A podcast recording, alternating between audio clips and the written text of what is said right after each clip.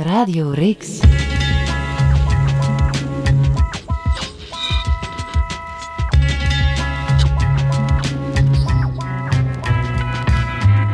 Welkom op Don Vitalski's Antwerpen in de jaren 90. Een podcast van Heb ik jou daar?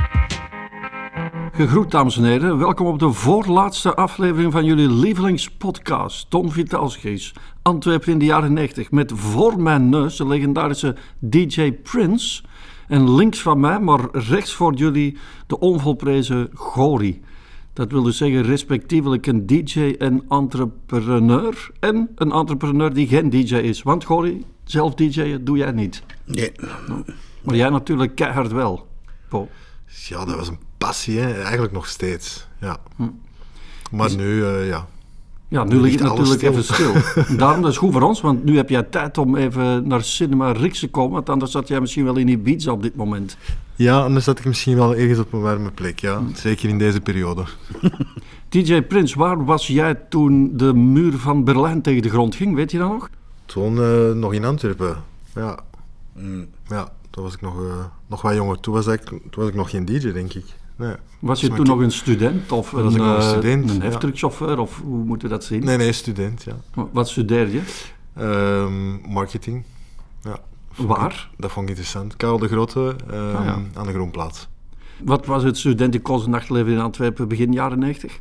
Goh, dat was meer... ehm, eh, hoe noemt dat plein daar aan Café Anvers? eh hoe noemde ik het? Falcon.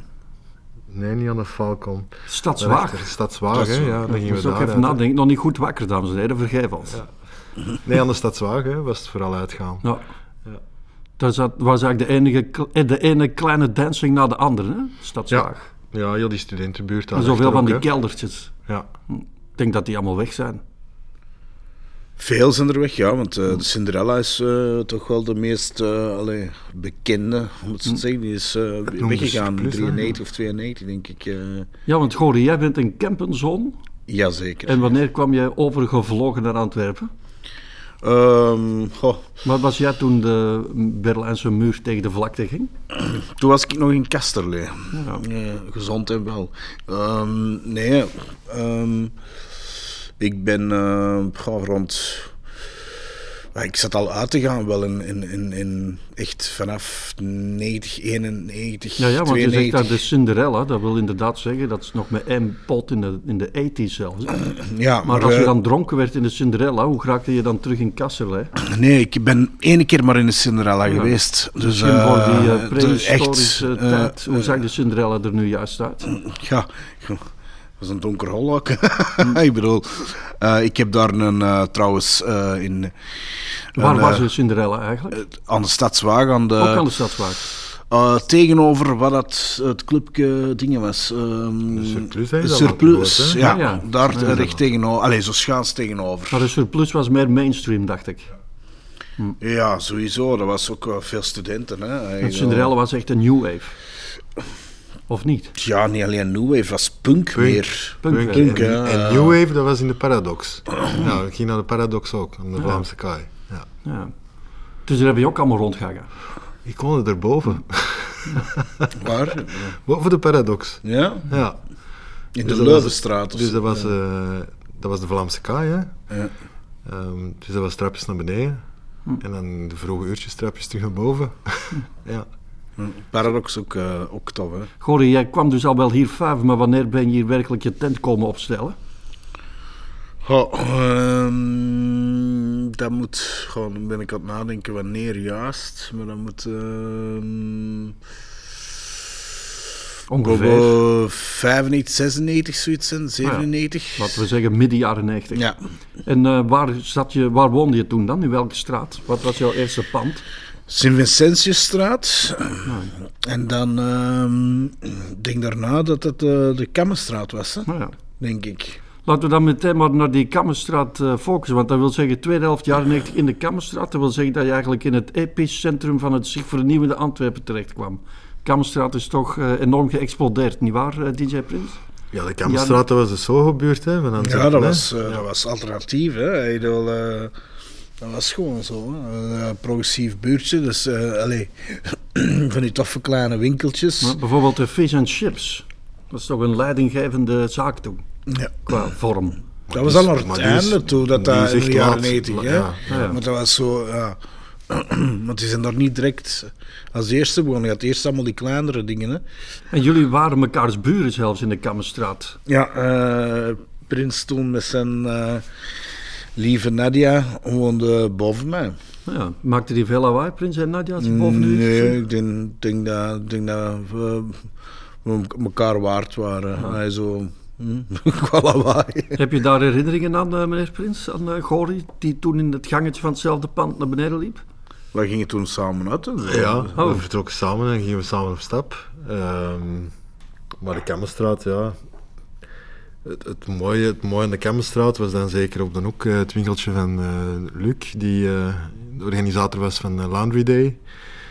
En ja, die straat was toen de speelruimte voor DJ's. Hè. Ehm, we begonnen in het winkeltje en dan een, paar, een paar stages, een beetje links en rechts. En dan was dat uitgegroeid tot een mega happening. Maar bleef gewoon een, een, een top, eh, echt stadsfeest, vond ik zo, voor de jeugd. Ja. Waar lagen eigenlijk de seats voor eh, Laundry Day? Hoe kwam dat er plotseling? Waar gingen de organisatoren van Laundry Day ten rade met hun eigen idee? Eh, dat kwam toch ergens vandaan? Ja, Luc was zelf DJ. hè. En ik geloof dat hij ehm, ja, een soort van open deurdag wou doen. iets van een, braderij eigenlijk Ah, eh, in de Kammenstraat. Maar moderner. En, eh, en dat was met DJ's. Punt. Ja. En jij was een van die DJ's, DJ Prins. Ik was er eh, ja, van het begin, van de eerste tot de laatste. Alle edities gedraaid. En de, de allerlaatste ook, eh, de allerlaatste plaat opgezet in de Kammenstraat. Ja, afgesloten. Ja, iets was je nooit ook- meer vergeten, want het was echt ja, een prachtig moment. Waarom? Gewoon omdat je ook als Antwerpenaar ehm, daar gewoon dat, dat feest in de Kammenstraat en dat je er ook gewoond had en dat ook gewoon heel de scene en, en alle mensen en, en al die jaren. En, en ja, de allerlaatste plaat opzetten op zo'n event, net hetzelfde dat ik eh, de allerlaatste plaat mocht opzetten in Café Anvers op de allerlaatste avond, dat, eh, ja, dat is een bijzonder moment. Ja. dat, dat eh, al die mensen... Maar dat is een soort palliatieve zorg bijna. Dat is zeer tragisch. Anyway, jij Ja, begin- bent officieel eh, DJ Prins beginnen DJ in, eh, in, die, in het jaar 95, pakweg. 95 begonnen, ja, dat klopt. Hoe ben je daar ingerold? Want je was dus eerst een student marketing.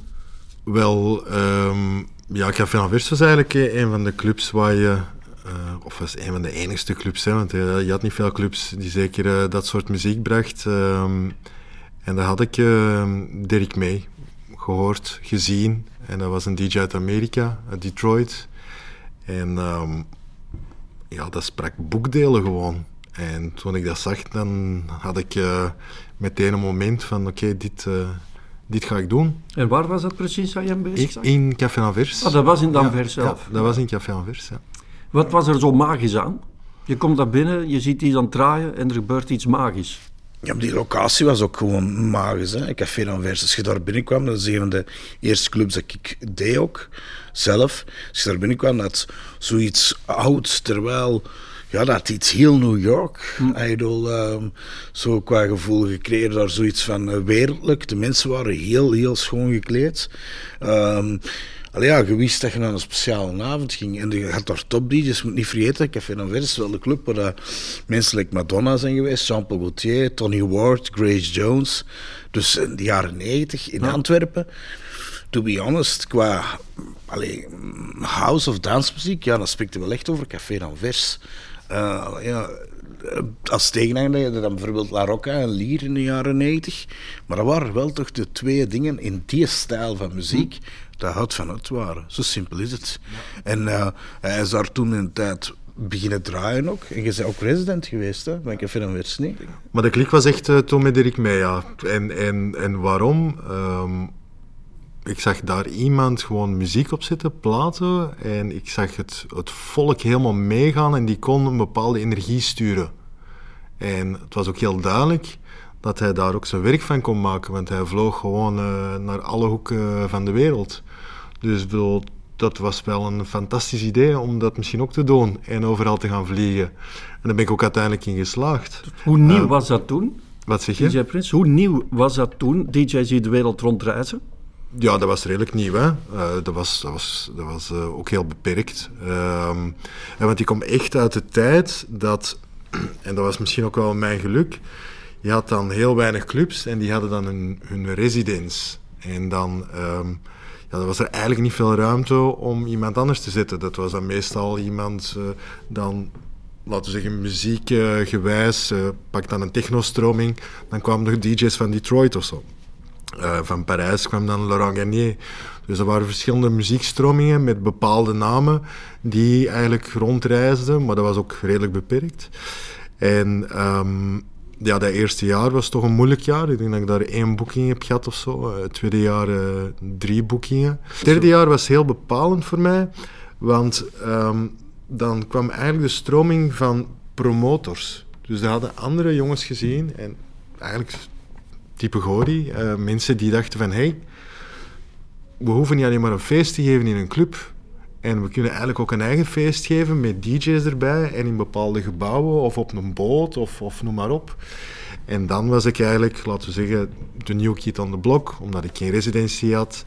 En ik, uh, ja, ik deed heel veel aan netwerking en, en dus ik ging heel veel uit. Je was een perfecte En ik was wel heel, heel in, laten we zeggen, ook heel hard bezig uh, in het perfectioneren van het, ja, het mixen en, en hoeveel cassettes dat ik niet heb rondgegeven. Maar gewoon die perfectie moest er zijn, vond ik. En doorzettingvermogen. En dan... Uh, en dan kwam dat derde jaar dat er heel veel promotors kwamen. En dan kwam er een nieuwe club in Brussel, de Hoes Hoesland of, of dit of dat. En dan, dan werd ik daar uitgenodigd en kreeg ik maandelijkse residenties. Ja, en zo groeide dat. Zeg, Gordy, even terugspoelen. Jij noemde dan net allemaal grote namen die in Danvers hebben gespeeld. Maar wat mij zelf frappeerde, Café d'Anvers. Nee, ik heb niet gespeeld, hè. Die er zijn komen feesten. Ah, die er zijn... Grace Jones heeft er niet gespeeld, kwam er feesten. Nee, die kwam er feesten. Ah, ja. En dat is nog wel een ander niveau. Je kunt mensen boeken of zo, dit en dat, maar ze komen feesten. Hm. Ja, dat is toch teken dat ze er echt wel willen zijn. Ja, dan daarmee dat Café d'Anvers echt... Alleen, moet zeggen zoals dat het is, in de jaren 90 echt... Allee, dat is wel iets van waar de mensen graag wouden zijn. Maar het is wel iets, iets verschillend, uh, want, want de kleine uh, dingen dat ik wil rechtzetten, met, met, uh, want hij zegt, Prins, er waren niet veel clubs, er waren wel heel veel discotheken, maar er waren niet veel houseclubs toen in de tijd. Dat is een heel groot verschil. Want we mogen niet vergeten dat er heel veel discotheken waren en dat de discotheken door de jaren heen alleen maar minder en minder uh, alleen zijn er veel uh, dicht gegaan en zo verder door allerlei toestanden. Vooral die hele kleintjes, hè? Begin jaren 90. En ja, niet alleen de kleintjes, ook de, ook de grote. De Sherry Moon is op een bepaald moment ook dicht gegaan. Uh, je hebt de Boccaccio dat dicht gegaan is. Uit, ik, je mocht niet vergeten, nog voordat dat je dan La Rocca en Café Anverse, dat de Boccaccio, hè, in, in de Boccaccio, ik denk als we kijken naar een legendarische club Europees of zelfs wereldwijd gezien. Ik denk dat je dan met Boccaccio, denk ik dat je, dat je in de top 10 zit. Uh, dus... In ieder geval, je hebt dus uh, mensen als Grace Jones die er dan lekker komen vuiven in Café d'Anvers. Maar wat mij frappeerde is dat Café d'Anvers eigenlijk helemaal niet groot was. Uh, voor een, uh, een 700 man officieel, uh, denk ik. Maar toch, ja, met die tafel die er stond. Ik weet niet of je je nou herinnert, zo die tafel, die ijzeren tafel. Ay, zo, allemaal van die elementen, die gat in die muur. Zo. Ja, je dat kwam zo'n zo beetje crimineel, op een gezonde manier crimineel over, vond ik. Ja, ik weet niet, toch ook heel stylish. Hè? Ik ja, weet het niet, hè? Mysterieus. Mysterieus. En ik denk, ja. mysterie is belangrijk voor... voor ja, wel, mysterie, ja. Ik ben en, er eens een keer ook een envelopje met geld in mogen gaan halen. En ik had echt gevoel dat ik zo precies uh, moest oppassen. Voor, allee, dat was zo, dat ging niet los, vond ik. Maar ik zeg het op een gezonde manier. Maar... Ja, maar welk jaar was het? Ja, dat moet zo ergens in 97 zijn geweest. Mm, mm. helemaal nee, maar want uiteindelijk, allee, ik, bedoel, uh, de, ik, ik zeg graag uh, de dingen dat ze zijn. En, en, in de zin van de Café d'Anvers, de Antwerpen, jaren 90. Allee, het verschil met mij is, en, en Prins, ik bedoel, ik zat ook in alle andere milieus. Waar, ik ging naar verschillende stijlen muziek. Hè. Dus ik zat ook graag in de Pacific of in de Paradox. Allee, ik, allee, ja, al die, die, die, die optredens, die, de Misschien zullen we dat blikje nog eens opentrekken, Gordon. Jij kwam af en toe ook in de Zillion. Dat Ja, ook, maar eh, weinig, ja. Ik denk dat, eh, dat de prins- jaren 90 Antwerpen, de Zillion. Ja, de Zillion. Eh, ik ben er een paar keer geweest, de Zillion. Maar moet weten, de Zillion, wa- qua... Dat was over de top natuurlijk. Hè. Qua, qua, qua kitsch, dit en dat, echt over de top. Maar ik ben daar eh, geweest als Boy George moest optreden. En ehm Kwam Daria die er was er optreden of ook kwam die er ook alleen maar vuiven? Nee, die kwam daar toen een Ah, ja. DJ-setje doen. Ah, ja. Maar dat was zo, ja, in zijn eh, minder perioden in zijn leven. Hè. Ja, juist zoals Mickey Rourke in zijn mindere periode naar Antwerpen kwam, kwam Boy George hier ook rondhangen. Mm, Ja, ja, dingen, het Mickey Rourke met de film Shades, Inderdaad, inderdaad. ja. En dan zat hij trouwens ook in Woeselslend, want daar zit hij al die nog tegengekomen, denk Ah ik. ja, hè. vertel eens even tussendoor, dan gaan we weer terug naar Boy George. Maar die Mickey Rourke is een rode draad in onze afleveringen, dat is wel grappig. Waar heb je die dan gezien, eh, DJ Prins? Ja, dat zou kunnen, hoe Zoosland. Dat was ja. Woeselland. Wat is, wat is dat voor een land? Ik ken dat niet.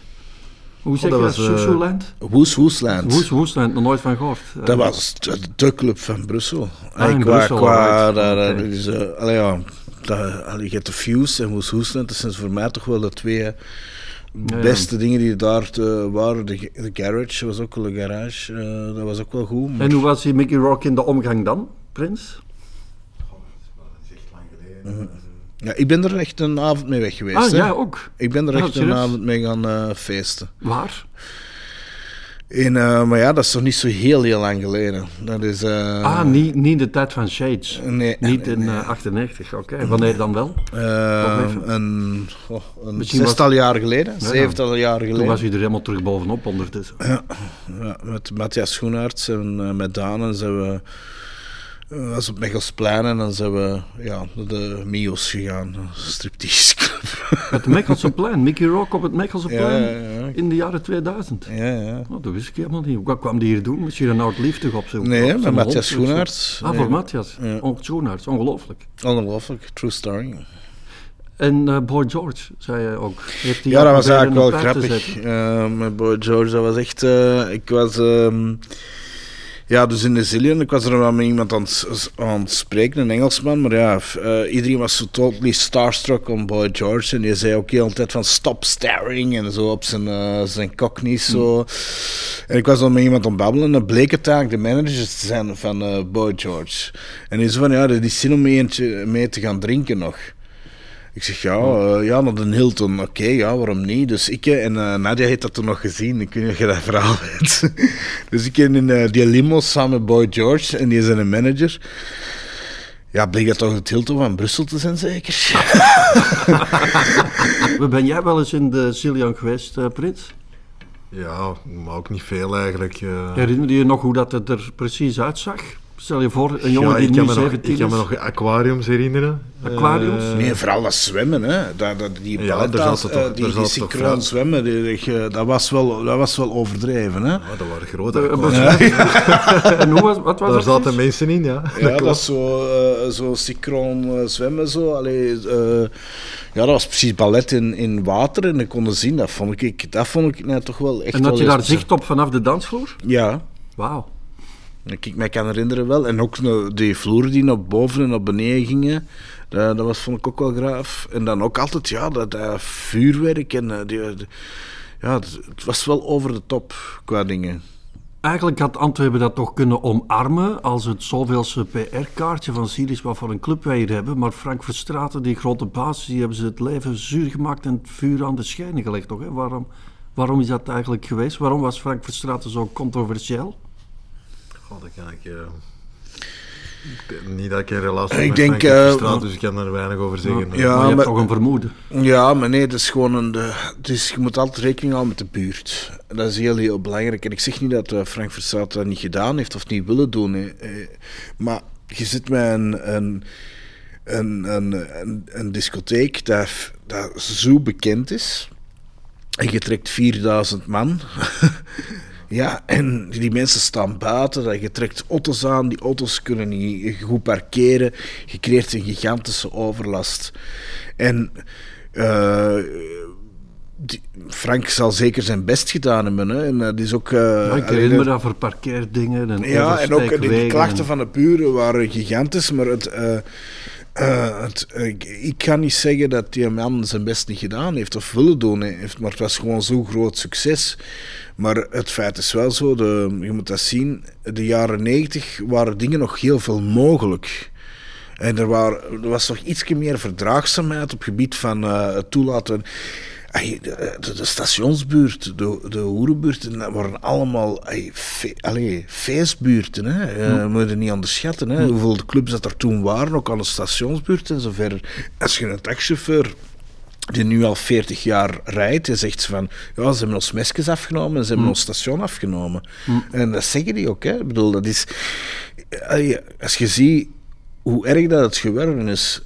Ik, ik heb bijvoorbeeld uh, een milieuambtenaar gehad voor drie klachten voor de Renault Ik had maar drie klachten. Hm, waanzin. Uh, snap je? Dan is iets denk van, allee, dit kan niet meer. Hè? Bedoel, het, allee, wij, wij, wij praten met iedereen van de buurt. Wij, wij zien dat, uh, wij hebben mensen op straat staan. We proberen dat echt helemaal uh, goed in doog te houden. Maar hoe dat, dat allemaal verandert op dat vlak... De, het is nu een, een kleine uh, zijnoot. Hmm.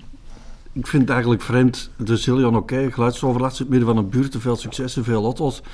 Waarom dat, dat sportpaleis dat toch eigenlijk onderaan...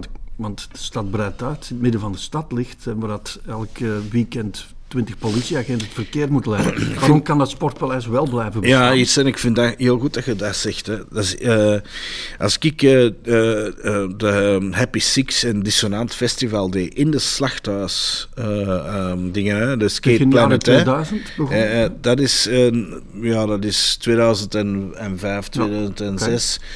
Ja, um, en ik deed daar een buurtronde met, met kwartieragent om die mensen te zeggen van ja, ik ga hier een feest doen, ja, uh, terwijl het sportpaleis er vlak achter ligt. Hè. Dus uh, dat die mensen tegen mij zeiden, we hebben hier nog nooit in al die jaren iemand van het sportpaleis gezien. Hm. Nog nooit. En ik doe daar één, één oké, groot feest. En ik heb toen ook geen klachten gekregen, omdat je betrekt de buurt erbij. Zover. Maar dat vond ik wel heel straf. Hm. Dus, en daarin is het dus wel degelijk een punt. Hè. Dus dat je ziet van, oké, wanneer wordt er beslist van uh, harder op te treden of te viseren of te en wanneer niet.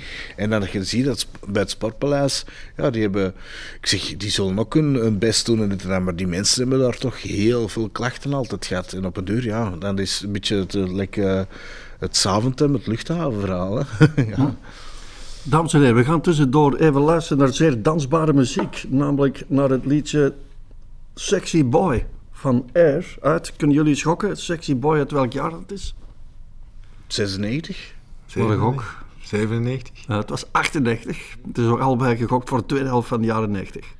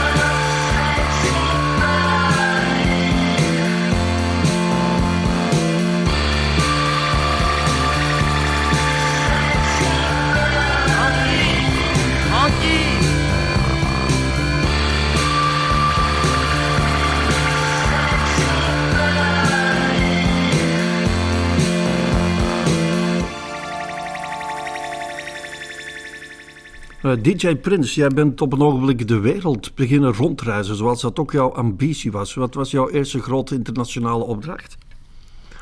Goh, de eerste was toen, uh, ja, eigenlijk dat derde jaar. Dan mocht ik mee uh, gaan toeren met Master at Work. Wauw, ja. dus, ik ken er niks van, maar die ken ik wel. Ik ken het, bedoel, die, dat, is tot mijn, in mijn universum doorgedrongen, ja? Masters at Work. Ja, Master at Work. En dan, um, dan mocht ik... Um, het begon met een event in uh, Genève, een soort uh, sportpaleis, ook voor uh, 10, 15.000 man. En dan in Parijs, op de Champs-Élysées, een bekende club. uh, Queens. De Queens, ja. Mm. En, uh, en dan in Brussel. En dat was eigenlijk mijn eerste echt uh, grote optreden. Hoe nerveus ben je dan? Als je weet van ik moet straks om 8 uur s'avonds beginnen draaien, wat doe je dan om 11 uur in de voormiddag? God, was, ik was niet echt nerveus in de voormiddag. Ik was gewoon heel nerveus toen ik uh, daar 15.000 man voor mij zag staan uh, dansen. En toen, uh, toen ik het, mengtafel, de meng, het mengtafel zocht. het was een er stonden wel mengpanelen, maar dat was, was met draaiknoppen. Dus echt heel Amerikaans. Ik had het nog nooit gezien in mijn leven. Shit, joh. Dus ik moest dan de eerste plaat opleggen. En ik roep nog die technische man en ik zeg... Where's the mixer, where's the mixer? En die zegt, oh. ja, dat is dit. En dan had ik een heel straf diezelfde week nog iets gehoord in de, in de USA Import. Ja, in Amerika, dat is met draaiknoppen en dit en dat. Dus ik vraag hem, oké, okay, leg mij dat dan snel uit waar is effectief het mixen en waar staat dan de bas en de mid en de trebles. Dat moet je je allemaal uitleggen op en de moment zelf. En dat was op uh, 10 seconden uitleg en dan... Uh, ja, dat is ook iedereen Dan moest ik het doen. Dan moest ik het doen. ik echt, nee, dat is verschrikkelijk. Ja, het zou versplinteren van de stress. ja, dan moest ik het doen. En, uh, Want jij nam het over, er was al een DJ bezig, neem ik aan. Ja, ik moest eigenlijk uh, als eerste beginnen. Maar mijn toch? platen waren niet aangekomen. Dus was mijn, uh, dus was mijn timeslot verzet naar een later tijdstip. En dan moest ik ineens uh, ja, nog uh, na Bob zijn kleer draaien en dan voor Armand van Helden. En dan daarachter Aha. kwamen dan Masters at Work. Dus ik zat effectief al voor een zaal met uh, 10.000 man of zo voor mij. En waren die al aan het dansen toen jij begon? Nou ja, natuurlijk. Ja, Bob Sinclair was toen al. Uh, ja, Bob Sinclair uh, was toen heel groot. Ah, ja. was, dus van hem moest jij overpakken? Ja, van hem moest ik ja, toen overpakken. Fucking hell. Ja. En, en, je wist niet, niet eens hoe die techniek werkte? Nee, maar dat ja, op 10 seconden. maar dat is gelukt. Na 10 seconden wel. En ik moet eerlijk zeggen, want uh, ja, dezelfde practice was dan ook in Parijs, in de Queens, en dan ook nog eens in Brussel. En um, nou, het was eigenlijk wel een veel uh, secuurder mengtafel om te mixen. Uh, dus, dus, ja, ik was er eigenlijk ook wel mee weg, maar het was toch wel... Ja, ik begrijp waarom dat ze dat in Amerika gebruikten. Je kan, je kan er heel langer uh, twee platen door elkaar mixen en veel verfijnder, waardoor dat bijvoorbeeld een percussie van een bepaalde plaat nog helemaal in de achtergrond loopt in een volgende plaat dat je speelt. En uh, ja, dat was een fijne ervaring. Je zat in de jaren 90 ook op een technologische draaischijf met de komst van de MP3, et cetera. Uh, het is toch heel lang vinyl geweest nog. Uh, ik denk, en dan was de opkomst van de cd's. Ja, de cd's was het. Ja. Uh, en dan, en dan MP3's, ja. Ik heb toch heel lang niet willen toegeven. Ehm, maar ik heb het dan toch opgegeven op een, um, ja, op een optreden op Dance Valley. Dat was een van de, ja, de grootste dancefestivals ter wereld dat in Amsterdam uh, plaatsvindt. En dan mocht ik op de main stage een vier uur set draaien. En, um, ja, want jij bent een marathon-dj ook. Ja, marathon, uh, als de vibe goed zit en je bent vertrokken, dan, dan kan je gewoon uh, lang draaien. Dat, is wel, dat vind ik wel leuk. En, en er zit gewoon een vibe in, dus dan kan je, kan je gemakkelijk twee, drie, vier uur. Dat is ook leuker dan een korte set. Um, maar in die periode van die vier uur um, kwam drie keer de wind langs. En de wind heeft drie keer de naald weggeblazen. En dan ja, bij de eerste keer zit je dan dat was nog met muntjes, uh, 5 frank of 20 cent of weet ik veel. Dat was nog frank, frankje, ja. Die plakte je dan rond de naald. Maar ook die uh, waaide weg. En eigenlijk bij het, de derde keer dat het voorvalde, stond er toen al... Want ik moest beginnen en dan was het laatste uur. En dan stond daar in die kuip stond al iets van een 7000 man. En dan, uh, ja, die derde keer eh, was er een, eh, een grote boegeroep. Fuck. En dan, ehm, ja, dan was het genoeg. Dan toen dacht ik, gedaan van, met vinyl, dacht je toen. Het, het heeft niks te maken met vinyl. Het heeft te maken met techniek. Met, eh, het systeem moet gewoon goed zijn. En, en je moet gewoon muziek brengen. En dan ben ik wel overgeschakeld naar cd's. En dan verder ehm, ja, is Pioneer wel met een heel revolutionair product op de markt gekomen. Waar je effectief een, een cd-speler hebt die eh, werkt als een platenspeler. En is dat de jaren 90, die techniek, ongeveer? Of is dat later? Wanneer is die daarmee op de markt gekomen? Eh, Eh, ik denk dat dat al eh, eind jaren 90 was, begin jaren t- 2000. Ja. Dat is, want de CD's, ja, nee, dat is wel zo. cd's, ja. Dat is zeer technische, dames en heren. Eh, DJ Prins, wat ik nog even wou vragen. Als je dan in New York draait of in Genève, zoals je daar zegt, want dat, die vraag past een beetje binnen de ambitie van onze podcast. Kennen ze in New York en in Genève Antwerpen? Weten ze daar Antwerpen liggen? Ehm, in Genève, de- de- toen ik daar draaide, het was dus meer een connectie met eh, toen ik eh, geregeld in Wallonië draaide. Ehm, in eh, New York was het meer zo connecties die ik in Miami opdeed. Maar toen ik in Moskou draaide, daar, ehm, daar had ik wel, en daar kennen ze wel Antwerpen. Daar kennen ze Antwerpen. Want ik zat daar meer in, in, in ja, een milieu dat heel modebewust was. En die kwamen ook regelmatig naar Antwerpen. En die gingen daar regelmatig voor eh, ja, shoppen. De, de Big Five designers in Antwerpen, eh, die kennen ze wel allemaal. Ehm, Het is een beetje paradoxaal, vind ik, dat nu uitgerekend Rusland het meest gekend is met Antwerpen. Omdat Antwerpen en bijvoorbeeld Amsterdam, in de superclub in Amsterdam, had je toiletten niet man of vrouw, maar hetero of homo. Terwijl Moskou, Sint-Petersburg, toch gekend staat als homo-onvriendelijk. Eh, ja, ja, maar ehm, bon, we zaten ook wel in een, misschien in een, in een, in een scene die eh, iets ruimdenkender was. Hè. Mensen, die in met Rusland mode, ook. mensen die met mode bezig waren, eh, architectuur, kunst enzovoort. Dat zijn sowieso al mensen die ruimer denken dan, eh, dan de, de gewone mens. Dus ehm, Binnen in Moskou bijvoorbeeld. ja, ja.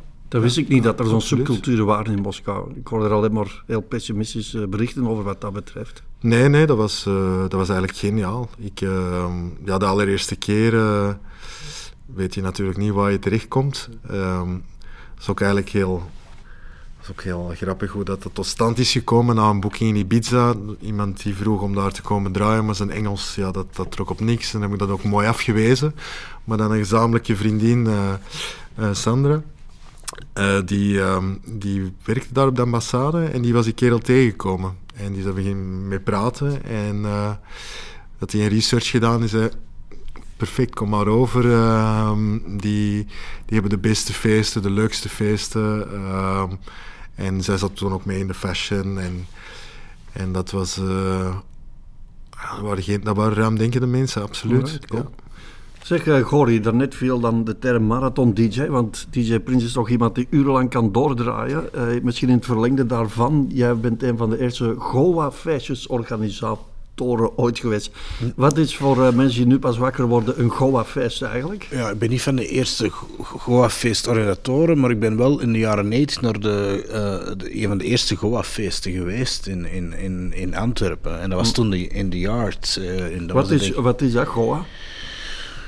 Goa is eh, ja, of progressive eh, trance music. Ehm, dat is ehm, muziek dat. ehm, ja, like Infected Mushroom, eh, Asterix, wie hebben nog allemaal? Zijn dat DJ's of bands? dat zijn bands, zegt uh, Spongel.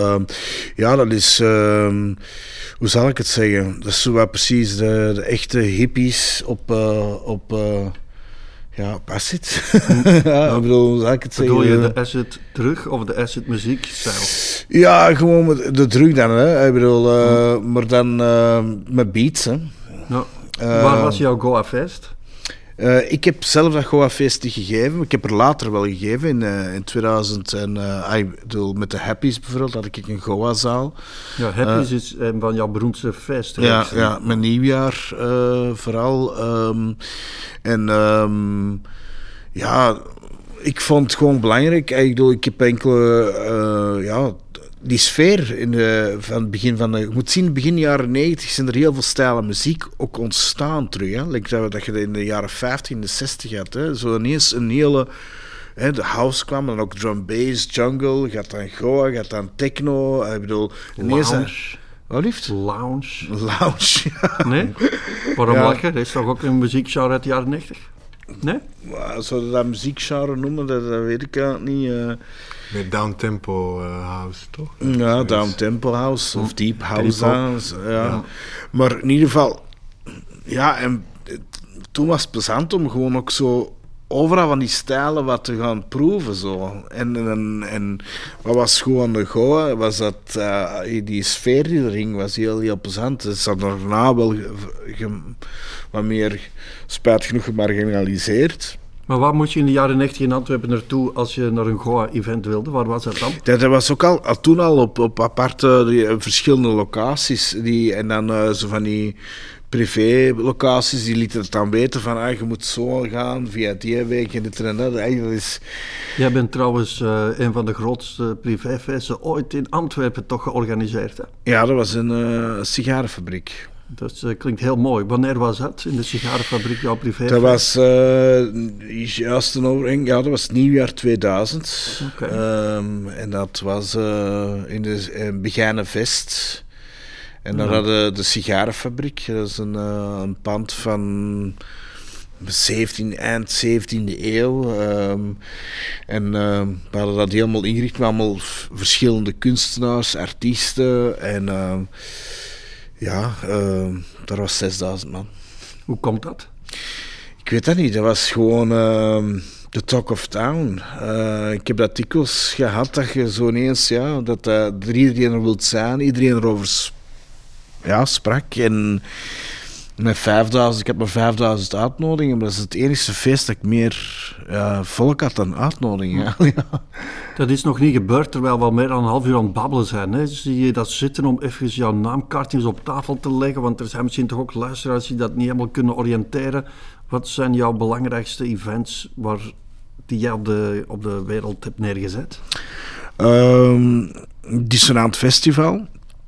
Eh, verschillende locaties op een weekend, waaronder eh, Petrol Arenberg, eh uh, Hofterlo, allee, eh, Trix, ehm Slachthuis ehm, en een 200-tal artiesten.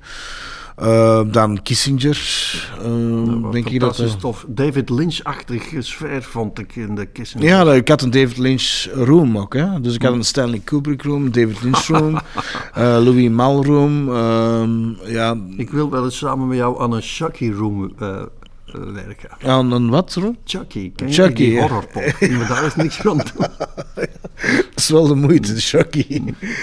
Ehm, eh, dan de Happies natuurlijk en de Go for Happies, dat is de nieuwjaarsfeesten. Eh, maar ook Phoenix in het eh, provinciehuis. Dan ook ehm Antwerp Open Air ben ik hier begonnen. Ehm, ah ja, er zijn er echt wel een heel deel. Zo. Hoe was het stadsbestuur in de jaren 90 tegenover in latere tijden? Dat is het eh, stadsbestuur van Leona de Thijssen. Ja, ik denk dat Leona de Thiage moeten zien dat je... eh, Nee, Patrick Jansen zelfs niet. Echt Thijssen, sorry. Ja. ja, de- Janssens na... Dat is al na jaar. 90 jaar. Ja, na Het 90. is het ja. echte de Thijssen-dynastie. Ik weet dat dit jaar ooit door Bal van eh, burgemeester, Bal der burgemeester, zelf is stopgezet door de eigen mannen van de Milieudienst. Eh, misschien zal ze je dat ook wel vertellen. Omdat je daar, dat was toen in de handelsbeurs, als ik mij eh, niet vergis. Ehm, ik denk dat het heel veel afhangt van wie dat er allemaal was, welke figuren dat er toen uh, zowat de macht hadden, de topambtenaren. Ik denk dat daar veel mee te maken Waren die toen flexibel of stroef? Die waren toen begonnen die al stroef te worden. Die zijn alleen maar stroever geworden. Ja. Dus, eh, Alright. DJ Prince, we gaan een eh, plaatje opleggen van Daft Punk. Vind je dat een goed idee? Dat vind ik een goed idee, ja, absoluut. Draai jij soms zelf ook Daft Punk? Ehm, soms ja. In het verleden, toen zij juist eh, opkwamen, was dat toch wel heel eh, vooruitstrevende housemuziek. Dat was een soort mix van. Het was house, maar ook met techno-klanken. En dat. eh, ja, maar dat had ook iets heel rock gevoel. ja. Echt, dat is... Nee, dat was heel vernieuwend. ja. Legendarisch, de eerste keer dat hij optraden, of Techno 1 in Vooruit. Ja. Het is het liedje Da Funk.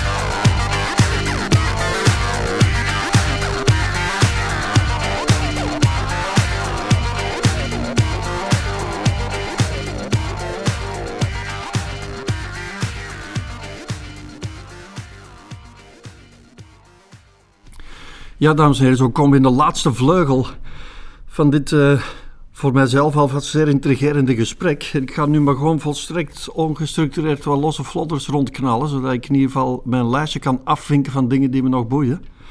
DJ Prince, kijk een beetje, dames en heren, want ik heb een paar trap gedaan om naar het toilet te gaan en sinds de corona toesloeg, doe ik helemaal niet meer aan sport.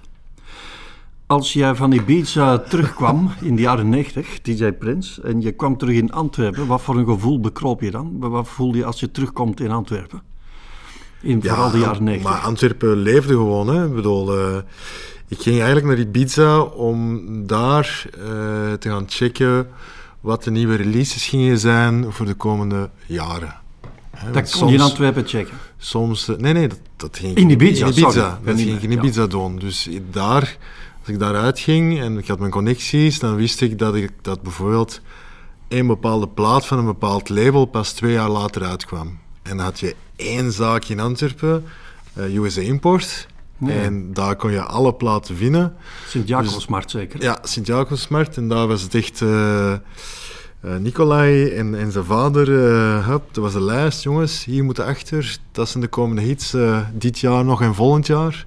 En daar moet achter. En um, ja, die zorgde ervoor dat ik die platen had. En dat maakte dan ook um, ja, jouw set uniek. Hè, want je had alleen maar vinyl in die tijd. Uh, dat was nog niet mp3, dus je kon dat niets kopiëren en rippen van het net enzovoort.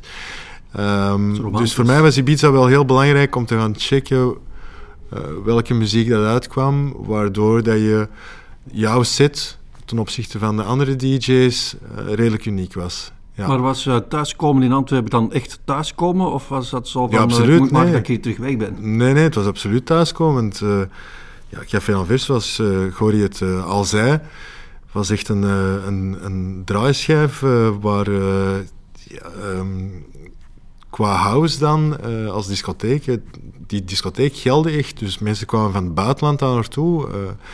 en dus was ik blij om terug te zijn en absoluut blij ook om resident te zijn in Café Anvers en daar ook uh, te kunnen draaien uh, voor een volle zaal, hè, altijd. Ja, ik had mijn eigen... Als je daar niet om verlegen moet zitten, je weet dat mijn volk zit daar. Nee, maar ik heb, bedoel, ja, oké, okay, Café Anvers heeft de laatste jaren wel moeilijk gehad, zoals elke club. Hè, uh, de concurrentie. Um, um, ja, ik denk ook gewoon de mentaliteit van de mensen. Vroeger gingen de mensen gewoon uit in een discotheek en nu dat mensen gaan uit naar een pub-up of of, uh, of buitenland of noem maar op. Um, maar dat waren grandioze avonden. Uh. Ja, maar in de jaren 90 was Antwerpen wel echt wereldtop, hè? Ja. Nou, echt, en dat wordt soms vergeten, hè? maar dat was echt wereldtop. Op welk uh, gebied, Gordon? Op het gebied van uitgaan, bijvoorbeeld. Oh gebied van uitgaan was dat wereldtop. Ik bedoel, daar niet voor niks dat die wereldsterren afzakten naar Antwerpen, omdat het ook niet zo ver van Parijs is, niet zo ver van Londen, niet ver. Dat was echt wereldtop. En hij noemt USA Import. USA Import was ook wereldtop. Hè. Ik bedoel, sowieso, dat was, dat was baanbrekend. Hè. Die hadden een eigen studio ook van achter. Uh, wat die deden van releases en zo verder, dat was, dat was waanzin. Hè. Daar, elke DJ ging daar Allee, ik herinner me dat ik daar, en ik ben dan zelf geen DJ, maar die stonden er allemaal, hè, die platen te luisteren, de een naar de andere, om te proberen de, het, het nieuwste, het, het, het, coolste te vinden, om, om in een set te steken. Dat was wel... Uh, als jij dan terugkwam van uh, Barcelona en jij kwam in Antwerpen, waar ging je dan een spaghetti eten, waar ging je dan een eenvoudige pint drinken? Uh, toen was al het zeezicht, vond ik uh, wel uh, dingen, maar ook de Casa 4 vond ik aan de Ossenmarkt. Um, goh, wat nog allemaal. Um... Nu, in die tijd was er ook een geweldige rockscene in Antwerpen. Heb jij die ook mee beleefd, DJ Prins? Of was dat voor je ver van je bed? Ging jij ook naar de cartoons op donderdag voor Tom Barmans en Faces? Nee, dat was... ik dat was ver van mijn bed eigenlijk. Mm. Uh, ik was echt specifiek op house en dance gericht, uh, alleen vooral house gericht. Dus dat, daar ging ik ook mijn carrière in maken. Daar was de volle focus op. En dus um, ja, dat, dat, was, dat was mijn. Ja. op de duur was ik, had ik eigenlijk ook zoveel optredens dat ik gewoon niet meer uh, uit kon gaan. Ja. Of, ja. Want jij was heel goed bevriend met Tom Barman zelf bijvoorbeeld, Goli. Eh, toen, eh, ik ken het Tom al wel, maar niet, niet van dat wij goed bevriend waren. Maar als je een feestje gaf, dan was hij er bijna altijd. Eh, niet, niet bijna altijd, maar er was er veel. Ja. Like, eh, zeker de, de Kissingersfeesten was, is hij wel geweest, eh, een paar keer toch. Ehm, Dan Stuiven was ook vaak bij jou. Ja, Daan is een van mijn, mijn beste vrienden, inderdaad. Mag ik dan jouw vraag, eh, hoe maakte Daan Stuiven het in de jaren 90? Want zijn grote doorbraak, die hem toch veel deugdsel hebben gedaan, kwam toch pas na de jaren 90. Dat is een echt Ja, grote zijn doorbraak. grote doorbraak was eh 2002, 2003. Eh, Hoe trok hij dan zijn plan in de jaren 90? Ja, ik, ik ken hem pas van juist een overgang van eh, eind eh 99 naar, naar 2001, 2. eh, dan Ja, ken ik hem pas echt heel goed. onze- dat telt nog mee voor in ons programma. Dat is al heel goed. Maar ik denk... eh, Hoe heb je hem leren kennen? In de, in de Cayman. Nou ja, op het zuid of op het eilandje? Dat was toen... eh, Hopelijk op het zuid, want die was toffer dan die op het eilandje toch? Hè? eh, ja, ik vond die van het Zuid eh, wel toffer, inderdaad. Maar eh, ik denk dat dat het Zuid was. Ja, ik zit nu aan het twijfelen Ja. welke dat was. Maar het was in ieder geval in de Cayman. En hij sprak jou aan? Of jij sprak hem aan? Nee, ik was met Danny Mommels daar. Ah, dus, ja. en zodoende, zodoende heb ik hem leren kennen.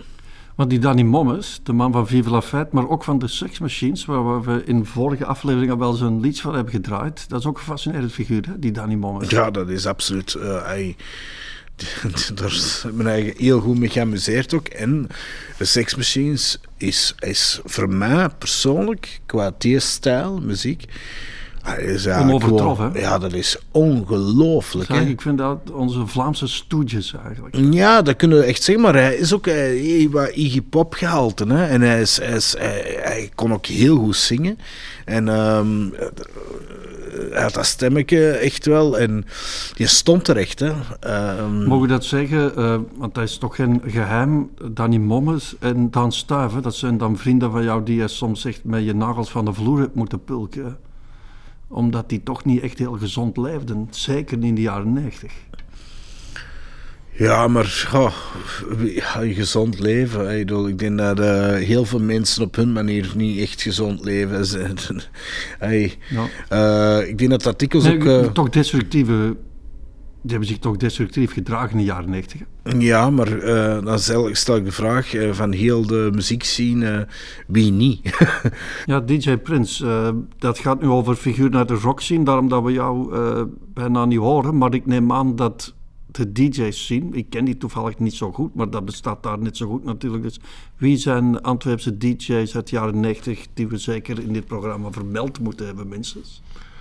God, dan hebben we zeker Koni. Eh Koni was toch eh, de, de godfather of house eh, in Antwerpen. Ehm, en die had ook zijn eigen platenwinkel, wel eens Groove World. Ehm, Ah, ja. Dat was eh, voor mij toch... eh, En die ook werkte bij US Import ja, die hè? werkte bij USA Import, klopt. Ehm, uiteraard Sven van Ees. Smos. ehm, Ja, Smos. Sven van Hees, eh, kan je die eens voor ons schetsen? Stel je voor, we maken een encyclopediefiguur uit de jaren 90. Sven van Hees, wat is hij zijn eh, verdienste, wat is zijn grootste palmares? Wel, ik, wil daar gewoon even heel die generatie bij betrekken. Want is zowel Koeni als Sven Ees als eh, Steve Kop. En laten we zeggen, dat waren dan toch de drie residents van Café Anvers. Dus die generatie net voor mij. Daar heb ik heel hard naar opgekeken. En ehm, ja, die hebben toch allemaal een carrière gebouwd. Hè. Ehm, ik denk Sven ook weer meer internationaal. Ook, eh, die draaide dan ook in Ibiza, Amnesia. En die zat meer in Nederland en in Engeland, denk ik. Eh, af en toe Japan, ja. En dan Steve Kop, eh, ja, dat was meer techno-scene. Ehm, Dat, was het dat waren eigenlijk toch wel mijn drie voorbeelden. Hoe heb je dat ervaren dat na jou er een explosie is geweest van DJ's en ook veel eh Think Day Bees, hè, dus die eigenlijk wellicht niet zo goed waren, maar die dan toch ook mee konden profiteren van het circuit dat ontstond? Hoe heb je dat aangezien? Hoe heb je dat beleefd? Hoe heb ik dat ervaren? Ja, dat is iets dat ik zag aankomen eigenlijk. Ehm, en dat was voor mij heel duidelijk eh, op Koninginnedag. Ehm, ik draaide regelmatig daar. De braderij in Amsterdam, de grootste braderij in Amsterdam, waar in elke straat een feest is, elk plein. En daar had ik dan ook eh, twee, drie boekingen op een boot, in een straat, noem maar op. En, en ik kan me nog heel goed herinneren dat ik aan het wandelen was en dat ik eh, goede muziek hoorde. En dat ik eh, rechts van mij keek en eh, ik zag een DJ en dan zag ik eh, bakkerij Jan. van wow, wat is dit? En ehm, toen was juist het uh, Serato was uitgekomen. Een soort van programma waardoor je eigenlijk geen DJ-skills of mixing-skills nodig had. en ik deed dan vijf stappen verder. En dan hoorde ik weer goede muziek. En dat was dan de beenhouwer uh, Jos. Uh, En toen was het voor mij heel duidelijk dat, uh, dat het voorbij was, in zekere zin. Het, wat voorbij was, wil ik zeggen dat ja, um, de unieke platen die je had, um, waardoor dat je een onderscheid kon maken, dat ging verdwijnen. Omdat alles weer uh, gedigitaliseerd dus je had ook geen skills niet meer nodig om uh, mixing skills. Um, en dat het dan van toen af heel belangrijk was om ja, je carrière voor te zetten met producties en labels eigenlijk. We blijven slalommen, dames en heren, omdat het zand in onze zandloper aan het verlopen is en ik nog met veel vragen zit. Uh, DJ Prins, klopt de theorie dat uit Laundry Day in de Kammerstraat eind jaren 90 Tomorrowland is gegroeid? Nee, dat klopt niet. Helemaal niet? Nee. nee. Is er geen connectie tussen Laundry Day en Tomorrowland? Nee, totaal niet. Nee, Ik dacht van wel. Dat weet Gorie ook, nee. Nee, dat is totaal... Waarom ook, denk eh, ik dat dan? Totaal ook een andere Nee, omdat je dat ziet, dat dat beide, uh, uh, uh, hoe zou ik het zeggen, outdoor eh, dance festivals zijn, maar je kunt... Er zijn er niet veel DJ's van Laundry Day naar Tomorrowland overgesprongen? Het is niet van overspringen. Ik bedoel, DJ's worden geboekt door een organisatie. En dan heb je zowel Laundry Day als Tomorrowland. Die DJ's boeken als uh, Gory. Uh, En die organisatie overlapt op geen enkele manier? Nee, want er waren eigenlijk twee, dat zijn twee broers die uh, eigenlijk al lang feesten gaven. Die begonnen met een studentenfeest, ook op verschillende locaties. Antwerp is Burning. Antwerp is Burning. En was dat niet zelfs voor uh, Laundry Day? Antwerp is Burning? Antwerp Burning is zelf, ja, voor, uh, dat is zo wat uh, tezamen, maar het feit is gewoon zo dat je IDT en, en Tomorrowland is totaal anders als, ja. als Laundry Day. En ook uh, Laundry Day. Dan heb ik in de vorige aflevering, dames en heren, heel domme dingen verkondigd. En uh, daar wil ik mij voor excuseren. Ja, ik dacht dat... echt dat er een connectie was. Nee, nee, nee, dat is echt... Oh, en ook het feit is ook, uh, niks is te vergelijken met Tomorrowland. Nee, nee, dat niet. Maar, dat is, uh, want Laundry Day heeft misschien in zijn hoogdagen wel uh, 40, 50.000 man getrokken. Maar uh, Tomorrowland is echt wereldtop internationaal gezien. Absoluut. Ja, en eigenlijk toch een Antwerp zing, want dat is toch Boeghout? Hè? Boeghout, boom. Boom. En, uh, waarschijnlijk ga ik ontslagen worden na deze aflevering. uh, kunnen jullie mij ben, ook ben je al naar Tomorrowland geweest? Of, uh? nee, nee, nee, ik zeg okay. het. uh, ik zit, meer, ja, ik zit in andere regionen. Dus ik zit hier sowieso op glad ijs, dat wist ik ook op voorhand. Kunnen jullie me ook iets bijleren over Cruises to Pleasure? Ja, daar kan ik je zeker bij leren, want dat was eigenlijk mijn eerste vaste residentie. Dat derde jaar waar uh, ik heel veel opdrachten kreeg. Dat moet 98 zijn, ja. ja. ja. En dat was een van de type promotoren die uh, dacht van uh, ik ga een feest geven, maar dan uh, ook op een heel originele manier. En die huurde dan uh, Flandria-boten af. En soms twee, soms drie. Die dan eigenlijk een drijvende discotheek waren gedurende een, een hele avond tot Dat klinkt wel heel lollig. Ja. ja, het was heel lollig, maar het was ook heel... Um, Um, ze waren ook zeer uniek met uh, hun flyers. Ja, die hadden Vroeger, heel goede flyers. En ook, ik herinner me dat Mario, die dan ook overal rondbracht, persoonlijk.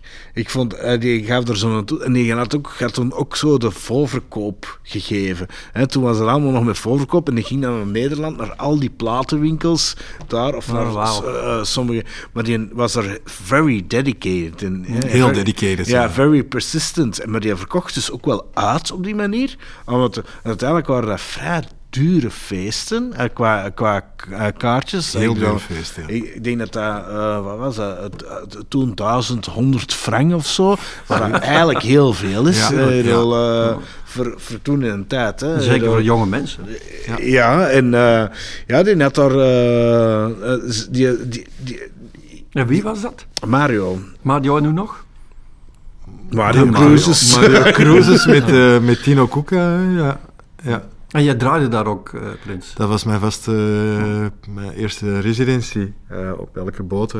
En wat, naast, wat ook zo geniaal was, is ja, het was ook een van de eerste concepten die, die ook ja, DJ's uit het buitenland eh, en dan ook zo gerelateerd aan, eh, aan een bekende club of een bekende organisatie uitnodigde. Hè. Dat je DJ's van Ibiza, Amnesia en dan had je ehm, eh, DJ's uit eh, Amsterdam, de Roxy en, en dan had je ja, drie boten met was dan gewoon drie landen eigenlijk, drie verschillende landen. En had je Op dan elke soms boot had je dat je niet op land. die andere boot zat?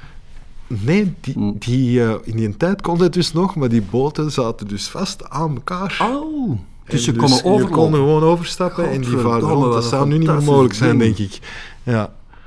Is er dan nooit iemand eh, overboord gesukkeld? Nee, nooit iemand. De, Nee, feest- dat de was bij de feesten, waren, de feesten waren te leuk. Voor we aan deze podcast eh, begonnen, had ik samen met Maarten Loos een schriftje opgesteld met allemaal namen die zeker in deze reeks moesten voorbij komen. En één naam die hier nog staat, en dat geef ik dan even aan Gori, is eh, Serge Muiters, Antwerpen jaren 90. Wie is Serge Muiters? Dat is nu, heden dagen, de korpschef.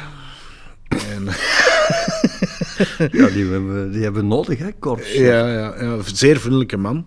Eh, maar in de sigarenfabriek, ja, er was wat een veel volk het- eh, binnen. En, Hoe heet eh, dat feest alweer in de sigaarfabriek? dat was... goeie vraag. Enfin, maakt, maakt niet uit, midden jaren 90. de Boa Party was dat toen, denk ik. Ja, de Privé Boa- 5, sigaarfabriek 6000 man. En toen? Ja, die, is toen, eh, die zijn toen langsgekomen om te, om te zien van eh what's going on. Want er was wel echt wel wat te veel volk binnen. En ehm, ja, die stapte binnen en, eh, en ehm, ja, en, maar je moest dus eigenlijk naar boven gaan. Dus allemaal via ruimtes en naar achter gaan. En, zo van, en ik kwam terug en zei van, ja, maar er is hier helemaal geen achteruitgang. Ik zeg, jawel, maar allee, dat is helemaal beneden. Oeh, waar? Dus je was nog niet vergeten van helemaal op beneden te gaan, waar er nog aangesloten een gigantische parking was. En ik kwam terug dus zo lichtjes eh, eh, stotterend van, ja, er, er is hier 6000 man binnen. dus, eh, en hij zei van, ja, je kunt best wel eh, sluiten. Ja, En dat je goed bezig waart. Ja, nee, dat was, het was zes uur. Het was, Ah, ja. dat, was, dat, was, eh, dat, dat was, dat was weltjes geweest. Maar ik zeg het, zeer goede herinneringen aan de man. Ja. Zeer Want in de jaren. 90 gebeurde het soms toch ook dat er razzia's plaatsgrepen. Hè? Heb jij ooit, eh, DJ Prins, een razzia beleefd, bijvoorbeeld in Danvers? Ik denk het wel. Eentje, ja, denk ik. Ja, ik denk Ja. het wel. Hoe, gebeur, hoe zag dat er dan uit? Want dat is toch iets dat je nu gewoon niet meer beleeft. De lichten gingen aan en eh Muziek stonden mensen eh, ineens in uniform. Met, eh, ja, wat was dat dan? Iedereen moest stilstaan en dan moest u, eh, moest u een tijdskaart afgeven en, en dat was het. En Kan je daarna terug verder feesten of is dan de boel voor de rest nee, van de want dat dag? was echt al vroeg in de ochtend, dus dat was het ook afgelopen. Kijk, dames en heren, ondertussen is het in ons gesprek ook zes uur s morgens geworden. De lichten gaan aan, de muziek wordt afgezet. En we gaan niet moraal van het verhaal of nog eens een samenvatting doen. We zeggen gewoon, het was gedaan. Wat er wel nog gebeurd is, dat ik natuurlijk Gori en DJ Prins heel erg bedank. En dat ik aan DJ Prins zou willen vragen, waarom gaan we nu nog tenslotte luisteren naar Plastic Dreams van JD? Waarom? Ja, het, is een klassieker. Hè? Het is ook echt een uh, Café Anvers klassieker. En ehm, dat past gewoon bij eh, dit gesprek en eh, de muziek van de jaren 90 en het uitgaan van de jaren 90. En het lijkt me een heel goede afsluiter.